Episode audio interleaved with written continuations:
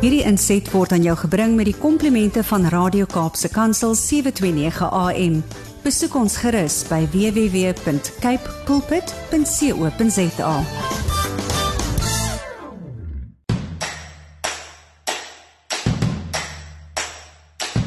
Jy is ingeskakel by Kaapse Kansel 729 AM. En dit beteken jy luister na Landbou Landskap want dit was so pas 7 uur op 'n Saterdagoggend. Baie hartlike goeiemôre van my Willem van Jaarsveld. Ek is jou gasheer elke Saterdag op hierdie stasie tussen 7 en 8. En dit is vir my 'n voorreg om vanmôre weer saam met jou te kan kuier. Jy luister of op die internet of op 729 AM of 729 MW. Baie baie hartlike welkom die begin van 'n nuwe maand. Ons kyk gou-gou wat is in vandag se program te wagte. Ons het 'n uh, bietjie ons manier van werk ook vandag aangepas. Ek sal nou daarby kom. Om 10 oor 7 kom saad vir die saaier aan die beurt en ons lees Johannes 15 vers 7 met die tema om vrug te dra. Kapstok is om 7:20 aan die beurt en vanoggend gaan ons na Gerard Meyer van Karoo Pak luister. Hy gesels met ons oor die granaatboerdery daar in die Oudtshoorn gebied. En dan Huis en Hart wat omstreeks 7:30 begin, het die, in die eerste gedeelte 'n gesprek tussen kollega Gerda Leroux met Marene van der Walt van die plaas Gelykfontein en sy Marene gesels oor inheemse veldbokke. Haar pa was 'n stigterslid van die Telersgenootskap vir hierdie bokke. 'n passie van haar en sy vertel waar kom hulle vandaan. Dis nou die bokke, nie sy nie. In die tweede helfte van Huis en Haar gesels Boetie Kirchner. Amper sê ek nou Kirsten. Uh Kirchner, Boetie Kirchner gesels met ons oor jagsaake. Hy is die bestuurder van jagsaake by die Suid-Afrikaanse Wildbewarings en Jagters Vereniging en hy gesels oor jaggergelasies baie interessante saak natuurlik ons het 9 provinsies en die 9 provinsies se jagregulasies stem nie noodwendig ooreen met uh, mekaar nie. Daar's altyd afwykings waarvan jagters moet kennis neem. Dan in stories van hoop 10 voor 8 gesels Petra Skols van die Damara Skaapteelers Genootskap oor Damara beoordeling, maar hy het ook goeie raad vir ons jong boere. Bly ingeskakel, luister gerus wat sê hierdie man. Landbou landskap word aan jou gebring met die komplimente van Cape Pots varsprodukte mark.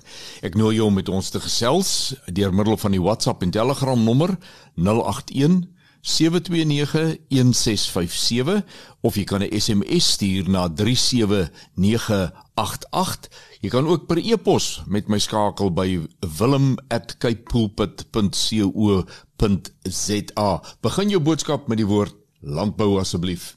Landbou landskap op Radio Kaapse Kansel het twee dinge ten doel. Die een is ons gesels landbou sake en dan gesels ons ook natuurlik wil ek sê saligheidsake. En nou vanmôre as ons in Johannes 15 vers 7 lees en ons het die tema om vrugte kan dra of om vrugte dra, dan strook dit vir my so heeltemal met die begrip binne landbou. Daar werk dit so as 'n koei en 'n ooi nie elke seisoen vir ons 'n kalf of 'n lam kan gee nie, dan word sy vervang. As 'n boom nie meer goed genoeg vrugte dra nie, dan trek ons hom uit en ons vervang hom met 'n boom wat dit sal kan doen.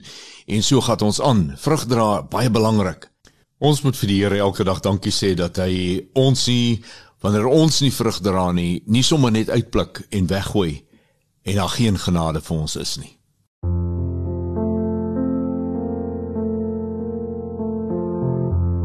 Dit is nou tyd vir saad vir die saaier. Vanoggend die tema om vrug te dra. En ons teksverse is Johannes 15 verse 7 tot 9. Daar staan geskryf as julle in my bly en dis Jesus se woorde en my woorde in julle sal julle vra net wat julle wil hê en julle sal dit verkry.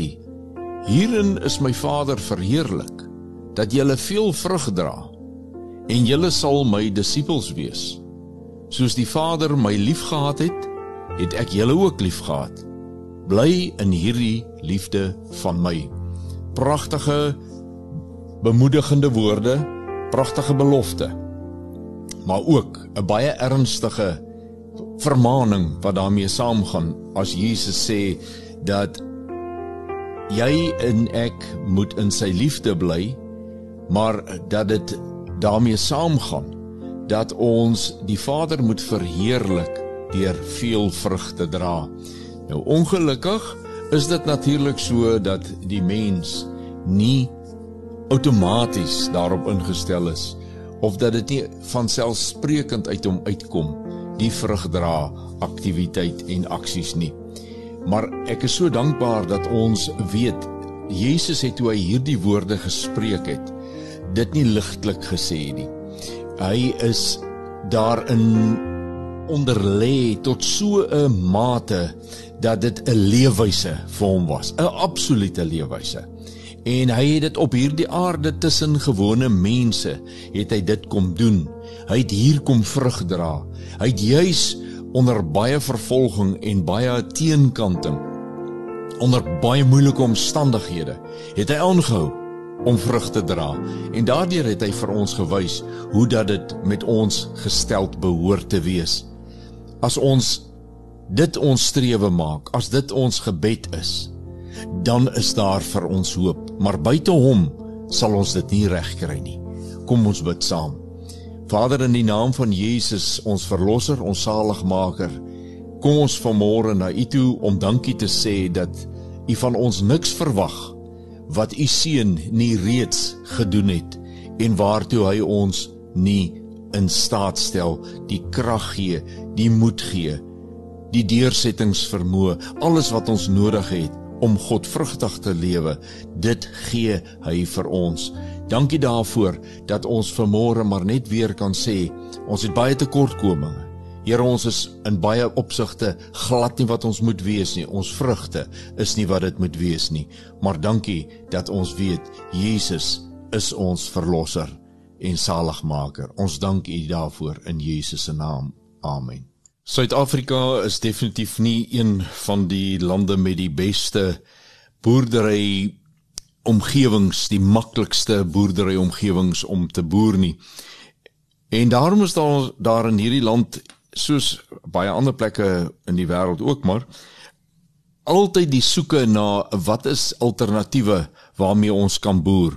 Met die klimaatsverandering, party streke het baie droër geword, ander het baie natter geword moet dit 'n deurlopende proses wees om te kyk waarmee vervang jy wat.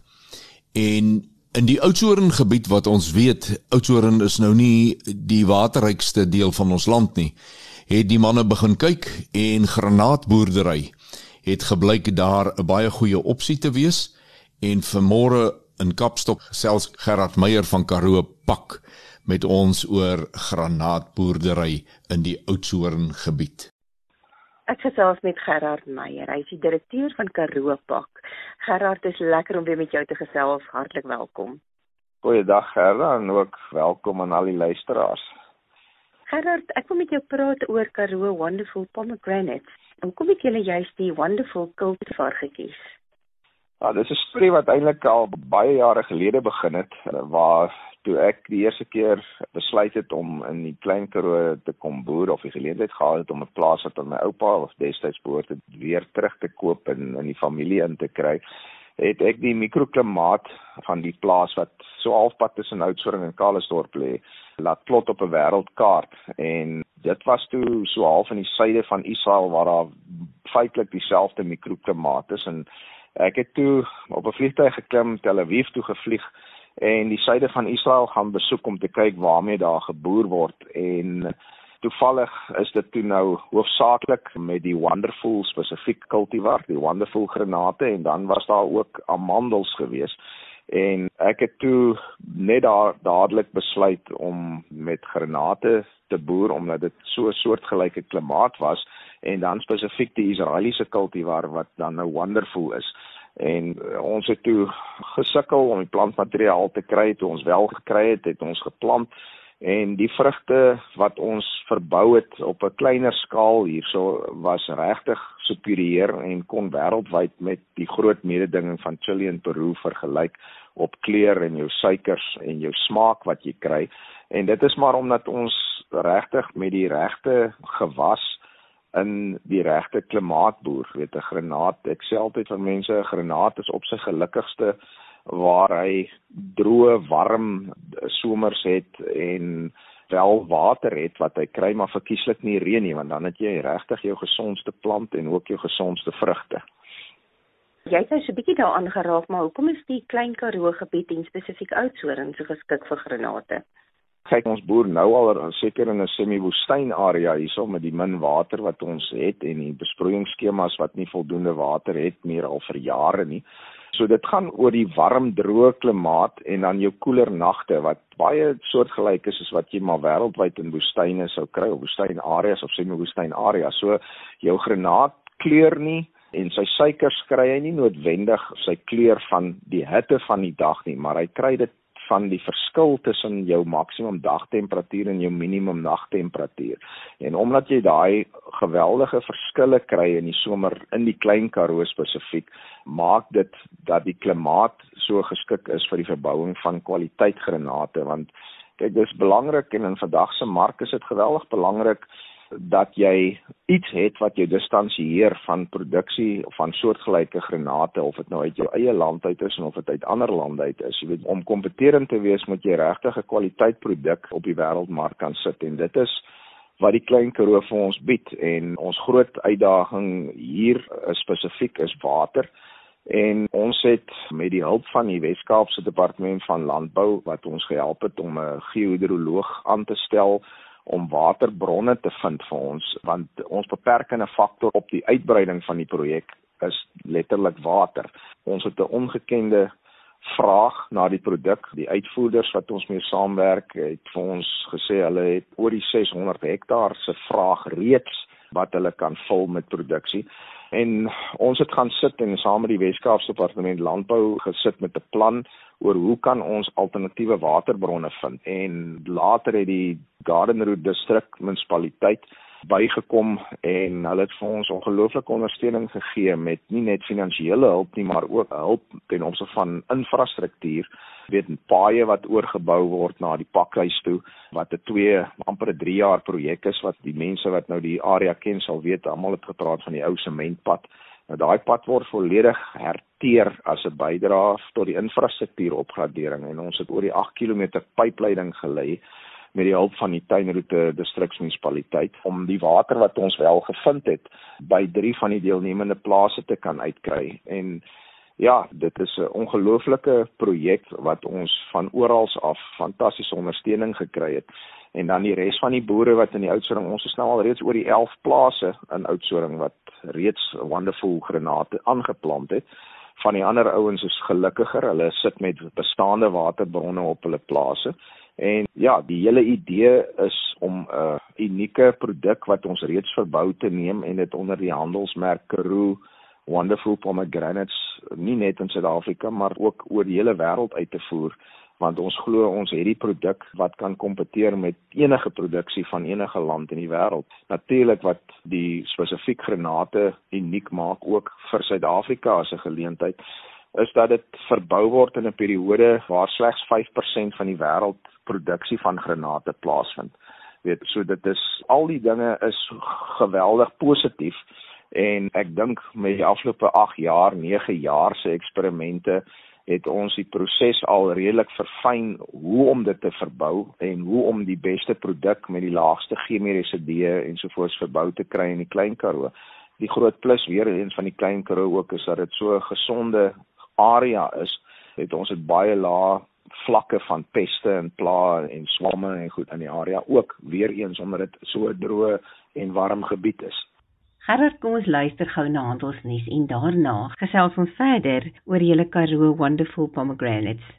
Ons het reeds verlede jaar in hierdie program so 'n bietjie begin gesels oor ons erfenis aan inheemse uh, landbouprodukte. Ons het gesels oor rooibos tee, ons het verwys na Karoo lam en so is daar natuurlik baie eh, nie baie nie, maar heel party uh vee rasse waarvan die inheemse veldbok soorte ook 'n uh, baie groot bydrae lewer. Wonderlike geharde diere wat in die produksiewêreld om vleis te verskaf ook hulle kan bring en hulle plek vol staan. Nou Vanmôre gaan ons so 'n bietjie verder gesels veral oor veldbokke en ons het iemand wat baie passievol is as sy daaroor gesels uh, Marinay van der Walt is uh, iemand wat so kan gesels oor inheemse veldbokke net hierna in huis en hart. Marinay van der Walt van die Gelykfontein inheemse veldbokke hoor in die Oos-Kaap reg langs die Gariepdam. Marinay weer eens hartlik welkom op ons program. Goeiedag Gerda. Maar in die inheemse veldbokke bestaan uit 4 ekotipes. Hoe die geskiedenis verloop tot dit die genootskap gestig is. Van die 1500s af was daar nie eintlik bokrasse in die suidelike halfrond van Afrika nie. So hulle het maar afgekom en toe later met sendelinge wat in Suid-Afrika oral sendingstasies en goederes gehad het. Hulle het nou maar, jy weet, bokke saam met hulle gebring en so het hulle 'n bietjie genetika van allerlei bokrasse uit Noord-Afrika, Europa en dan nou ook Indië en so. En destyds toe hulle nou begin om hierdie ding aan die gang te sit, het hulle begin om genetiese toetse te doen. Hulle het baie nou saam met Prof Campbell en Prof Michiel Skols gewerk. So hulle het by van die teelers bloed DNA monsters geneem wat hulle laat ontleed het sodat jy kan sien uit watter area die diere uit oorsprong. Maar besef hulle in die kusgebiede en ook dan in die noorde soos Limpopo en Noord-Natal en hier onder teen Transkei kry jy baie van die Mbuzi of Nguni ekotipe. Dis die kleinste een van al die bokke, kleinste raambokkie maar hulle is volop. En as jy hulle vergelyk met bokke in Mosambiek of in Zambië of in Zimbabwe lyk hulle selfs maar daar's paar verskille. Bene is dalk bietjie langer of die ore verskil effens. En dan die Kaapse skilder bokke is eintlik amper meer bekend hulle kom ook uit die Namibië en dan Noord-Kaap hulle het voorheen bekend gestaan as die Noord-Kaapse skilderbok die lopeers was voorheen bekend as die Xhosa lopeer die naam sê alles. Meer hier in die oostelike gebiede van Suid-Afrika. Ons eerste bok wat ons in ons kudde gebruik, se oorsprong is daar van die Keirevier mond af. En dan die laaste ekotipe, die Kunene, kom van die Kahuku land, daar bo in Noord-Namibië, doen goed in droogte omstandighede, soos die Noord-Kaap en al nege provinsies. Teelers wat of met al vier of met een van die ekotipe of twee van die ekotipes boer en hulle pas geweldig goed aan. Die skilderbok is natuurlik die enigste ekotipes wat kleurgebonde is. Al drie die ander ekotipe is multikleurbokke. So met die het hulle toe nou DNA analises gedoen en begin vasstel uit hoe hulle in Afrika afbeweeg en ontwikkel. Hulle het nou besluit hulle moet al vier fenotipes probeer bewaar en toestig hulle eers 'n klub, die inheemse veldboek klub en toe later het hulle dit geregistreer as 'n landsras.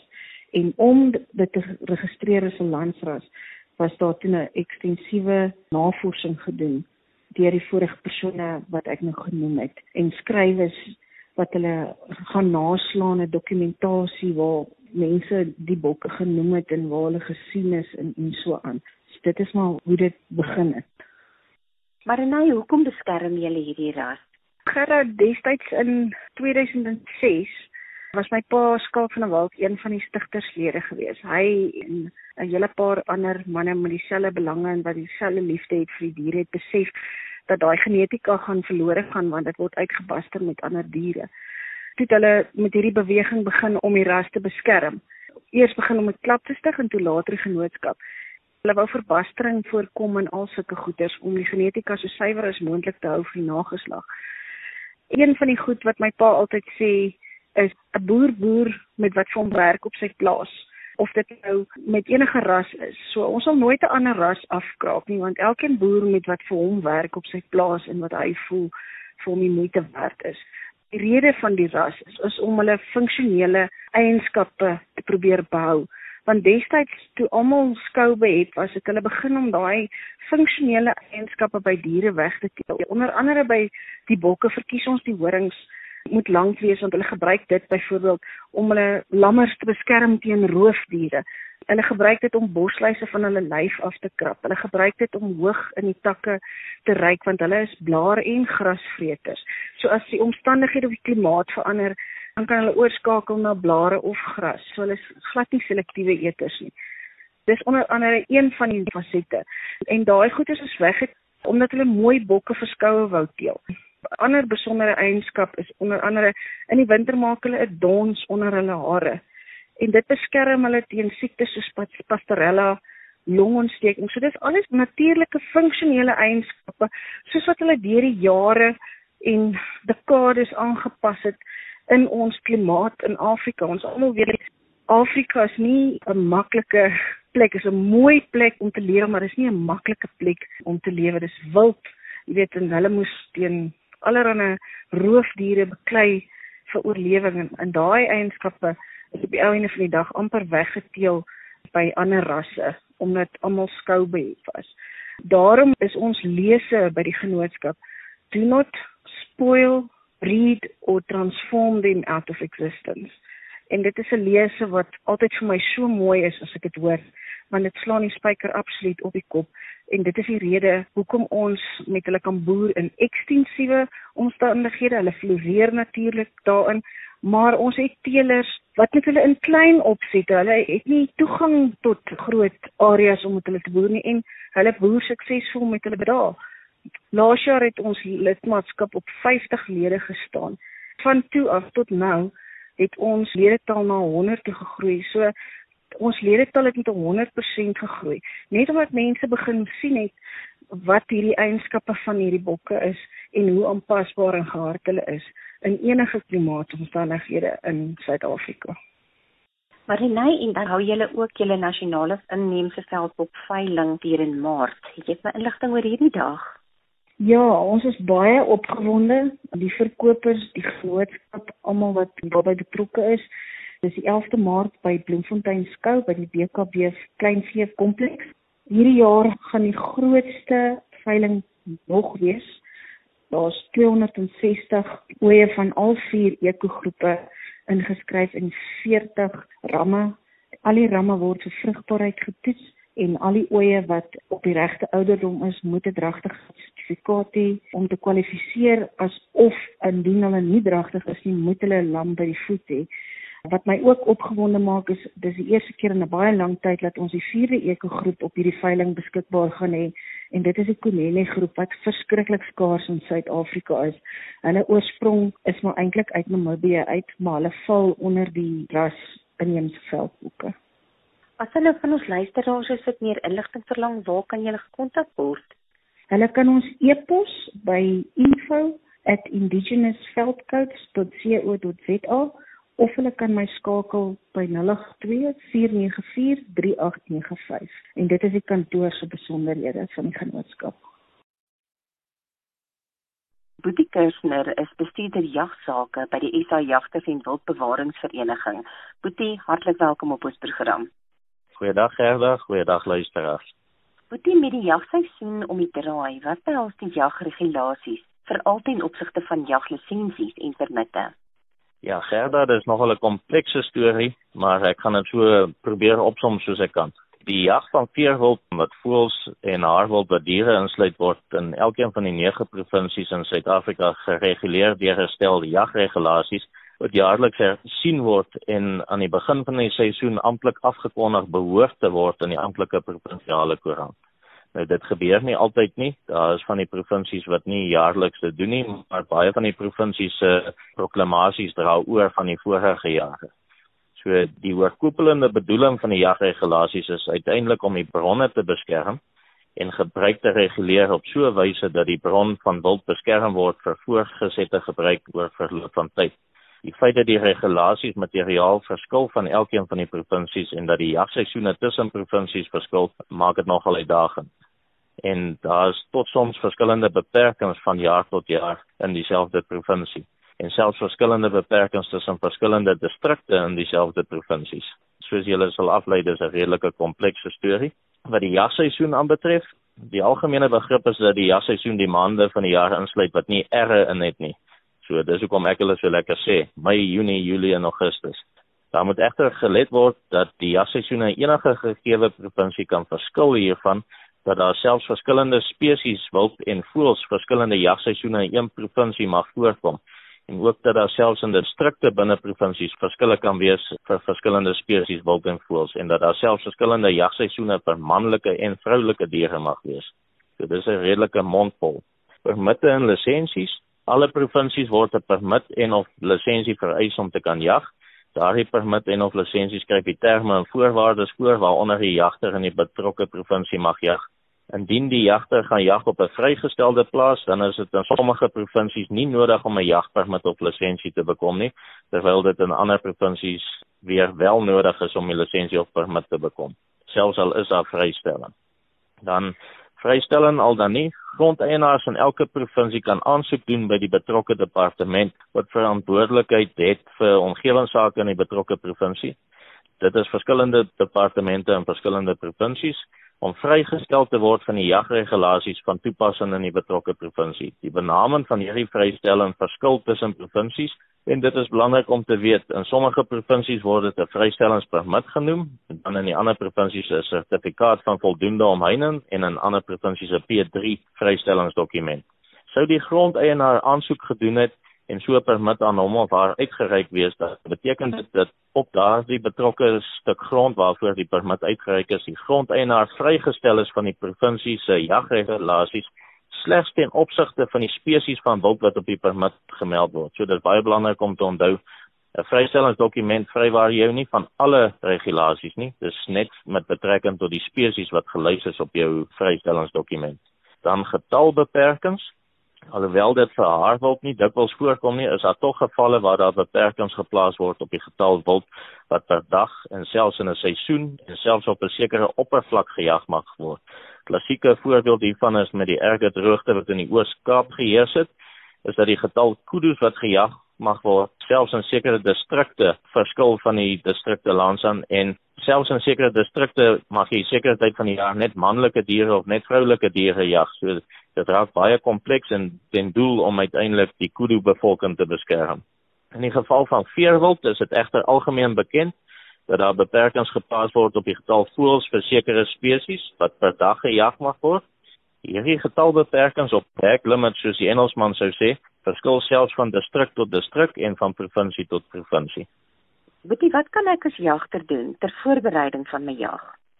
Ja, die lang en die kort van die inligting is dat enige jagter 'n deel van sy jaar voorbereiding vir die jag doodgewoon 'n hele reeks vrae behoort te vra om seker te maak dat hy of sy voldoen aan die vereistes gestel deur die jagregulasies in die provinsie. Vra byvoorbeeld is is die plaas waarop ek wil jag vrygestel van die jagregulasie ten opsigte van die spesies wild wat ek wil jag? Wanneer is die gereguleerde jagseisoen in die provinsie vir die wild wat ek wil jag? Is daar verskille vir manlike en vroulike diere ten opsigte van die jagseisoen en enige getalbeperkings. Sal ek steeds 'n toestemmingsbrief van die grondeienaar nodig hê om te kan jag? Sal die eienaar se toestemmingsbrief genoegsaam wees om my in staat te stel om vleis na my woning te vervoer? Sal ek bo en behalwe die eienaar se toestemmingsbrief steeds nog 'n jagpermit of jaglisensie nodig hê en waar kan ek so 'n lisensie of permit bekom? En sal ek vleis kan vervoer uit die betrokke distrik moet dit op enige wyse behandel of gekook word en het ek 'n afsonderlike permit daarvoor nodig. So deur bloot daai sewe vrae te vra en te antwoord, dan gaan jy alself jou eie gevolgtrekking maak of die jag wettig is volgens die jagregulasies. Boetie nou, kan jy dalk vir ons 'n kort opsomming gee van watter permitte en lisensies in watter provinsies benodig word? Ja, Gerda, ek gaan begin met Limpopo provinsie. Daar kan jy op 'n vrygestelde plaas jag sonder 'n jaglisensie vir die spesies gelys op die vrystellingssertifikaat. Jy het 'n varkvleis vervoerpermit nodig vir enige wilde varke, dis bosvarke en vlakvarke. Spesiale bek en klou permit waarvan toepassing. Veerwild vereis 'n jaglisensie in die oopseisoen op alle plase.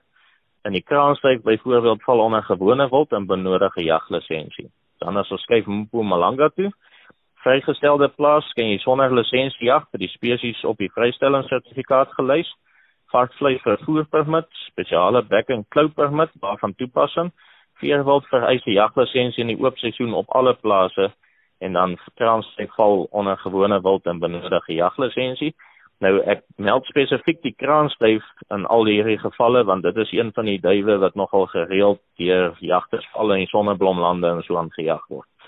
So ek dis die rede hoekom ek hom uitsonder. KwaZulu-Natal moet jy altyd in besit wees van 'n jaglisensie. Het sy of jy op 'n vrygestelde plaas jag of nie. Jy het 'n varkvleis vervoer permit nodig. Jaglisensie benodig vir gewone wild soos byvoorbeeld 'n gentaal geelbek eend kolgaans kraanstyf nie geklassifiseer as gewone wild en die jagter moet nodig slegs die skriftelike toestemming van die grondeienaar. In Noordwes vrygestelde plaas sonder lisensie jag vir die spesies gelys op die vrystellingssertifikaat. Jy benodig 'n varkvleis Veerwild vir eise jaglisensie in die oopseisoen op alle plase en die kraanslei val onder gewone wild en benodig dus 'n lisensie. Dan skuif ons na die Noord-Kaap toe. Kan jy op 'n vrygestelde plaas sonder 'n lisensie jag vir die spesies gelys op die vrystellingssertifikaat? Jy sal hoor ek hamer op die feit dat hy moet verskyn op die vrystellingssertifikaat. Die meeste duwe geklassifiseer as gewone wild en die jagter benodig 'n jaglisensie. Dan kyk ons na die Vrystaat toe. Daar moet jy altyd in besit wees van 'n jaglisensie, vrygestelde plaas of dan nie. Veerwild vereis 'n jaglisensie in die oop seisoen op alle plase. Die kraanstyf is nie geklassifiseer as gewone wild nie en slegs skriftelike toestemming van die grondeienaar word benodig. Dan in die Oos-Kaap moet jy altyd in besit wees van 'n jaglisensie, veewild benodig altyd 'n jaglisensie, duwe ingesluit. So hulle sin is redelik maklik as jy daar jag het jy 'n lisensie nodig. Dan die Weskaap, moet jy altyd in besit wees van 'n jaglisensie. Die meeste duwe klassifiseer as gewone wild en benodig 'n jaglisensie. En dan skuif ons hier na Gauteng toe. Kan jy op 'n vrygestelde plaas sonder lisensie jag vir die spesies gelys op die vrystellingssertifikaat? Veewild vereis 'n jaglisensie in die oop seisoen op alle plase en dan 'n kraan sy val onder gewone wild en benodig 'n lisensie. Boetie, as ek sien na jou lyste, dan is dit nie net gryp my geweer en my ammunisie en sulke dinge en my jagklere en daar gaan ek ek gaan jag nie. Daar is goeie voorbereiding nodig. Ja, nee, dit is definitief en omdat ons met nege stelle wetgewings werk, is dit nogal kompleks. Maar mense kan gerus SA Jagter se webtuiste besoek vir meer inligting by www sahunters.co.za of hulle is welkom om ons kantore te skakel en te vra met my te gesels. Ek gesels met Petra Skols. Hy is visiepresident van die Damaras Kaapteelers Genootskap. Baie welkom op ons program, Petra. Baie dankie Gerda. Goeiedag aan jou en ook 'n goeiedag aan al die luisteraars. Petra, so van die Damaras Kaapras gepraat. Wanneer het hierdie skaapras jou hart gesteel? Weet jy Gerda, dit kom nou eintlik 'n lang pad aan. My eerste kennismaking met die Damaraskaap was hier in die laaste 70er jare toe ek in die staande mag diens gedoen het en ek in die Kokoland gestasioneer was. Het ek vir die eerste maal met die Damaraskaap kennis gemaak en onmiddellik was dit vir my baie interessant en ek was gefassineer deur die skaap. En so daar 'n klomp jare verbygegaan en Die eerste geleentheid was hier in die vroeg 90er jare hier 1991. Het ek my eerste skaap gekom. Ek het vir my skaap in Namibië by 'n bekende teeler gaan koop en dis hoe ek begin het. Gerda, omdat ons oor jare al meer begin ongedierte kry het. Ek was met ander skaaprasse het ek 'n klompie jare geboer. Ek het groot geword met ander skaaprasse, maar As gevolg van die ongedierte probleem het ons steenpersentasie so geweldig afgeneem dat dit amper alle ekonomiese risiko begin raak het en soos wat ek die damras nagevors het, het ek besef dat die damras die unieke eienskap het dat hulle baie baie goeie moederseienskappe het. Hulle is baie beskermend teenoor hulle lammers. Hulle is baie tropgebonde en dit gee vir ons 'n baie groot voordeel bo ander rasse in terme van in die nag wanneer die donkerte toesak, sal die dammerskaap in 'n trop bymekaar kom en die lammers beskerm. Die lammers sal altyd in die nag in die binnekant van 'n trop skuilings hou en sodoende beskerm hulle hulle lammers en hulle is baie aggressief teen ongediertes wat moontlik hulle lammers kan aanval en dit was vir my die deurslaggewende faktor eerstens hoekom ek met die dammeraskape begin boer het en dan natuurlik ook die dammera is 'n baie geharde skaap want dit is 'n skaap wat basies uit die semi-woestyne of amper ek wil sê die totale woestyn as jy kyk in die Kokoland waar ek self diere gaan uithaal het dis 'n totale woestyn en hulle is baie gehard. Hulle kan vir dae sonder water gaan en hulle kan op swak gehalte voeding nog altyd presteer. En soos ek gesê het goeie moedereienskappe en baie vrugbaar 'n dammera ooi slaan nie maklik oor nie. Dan is jy ook 'n nasionale keerder wat behels dit alles. Iemand wat so belangstel en dis hoe ek begin het. Ek het aanvanklik my eerste kursus wat ons noem 'n beginnerskursus gedoen hier in 1992 en daarvandaan het ek my tweede kursus gedoen as 'n junior keerder en 'n junior beoordelaar.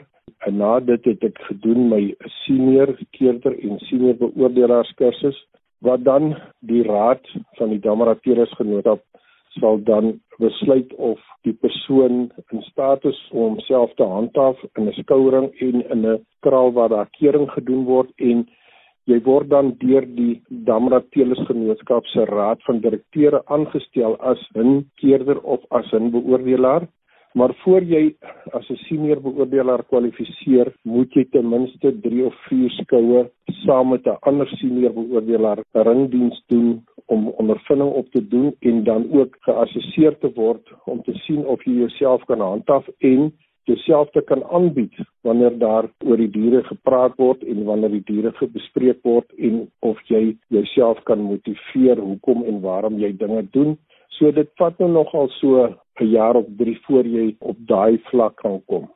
Petra en dan as keerder, wat onderskei jou van ander keerders?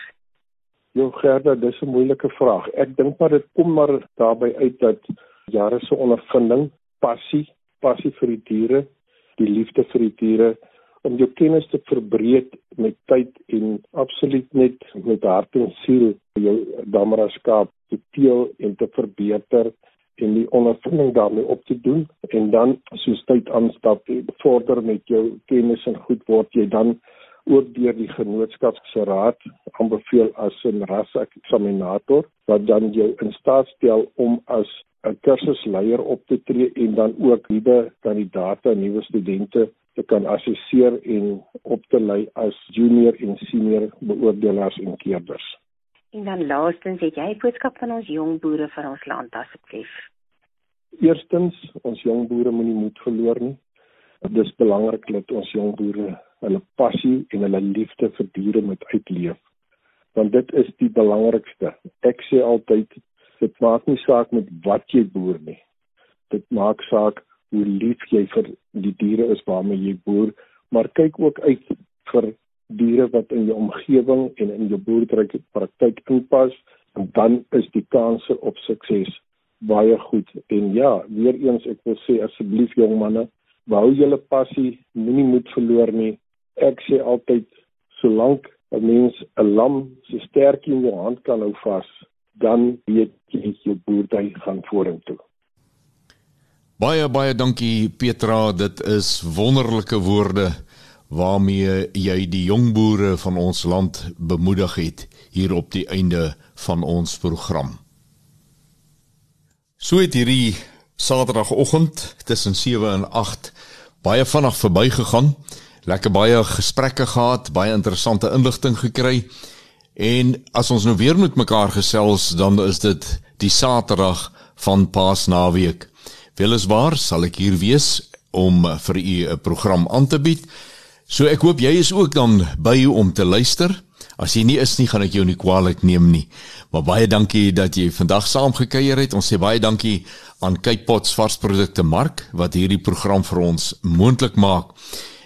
Ek nooi jou om met my te gesels en sommer met die stasie te gesels by die nommers wat ek reeds aan die begin van die program gegee het en ek gee dit elke Saterdag so jy ken dit seker nou al uit jou kop. Maar tot ons dan weer saam kuier eh, volgende Saterdag om 7.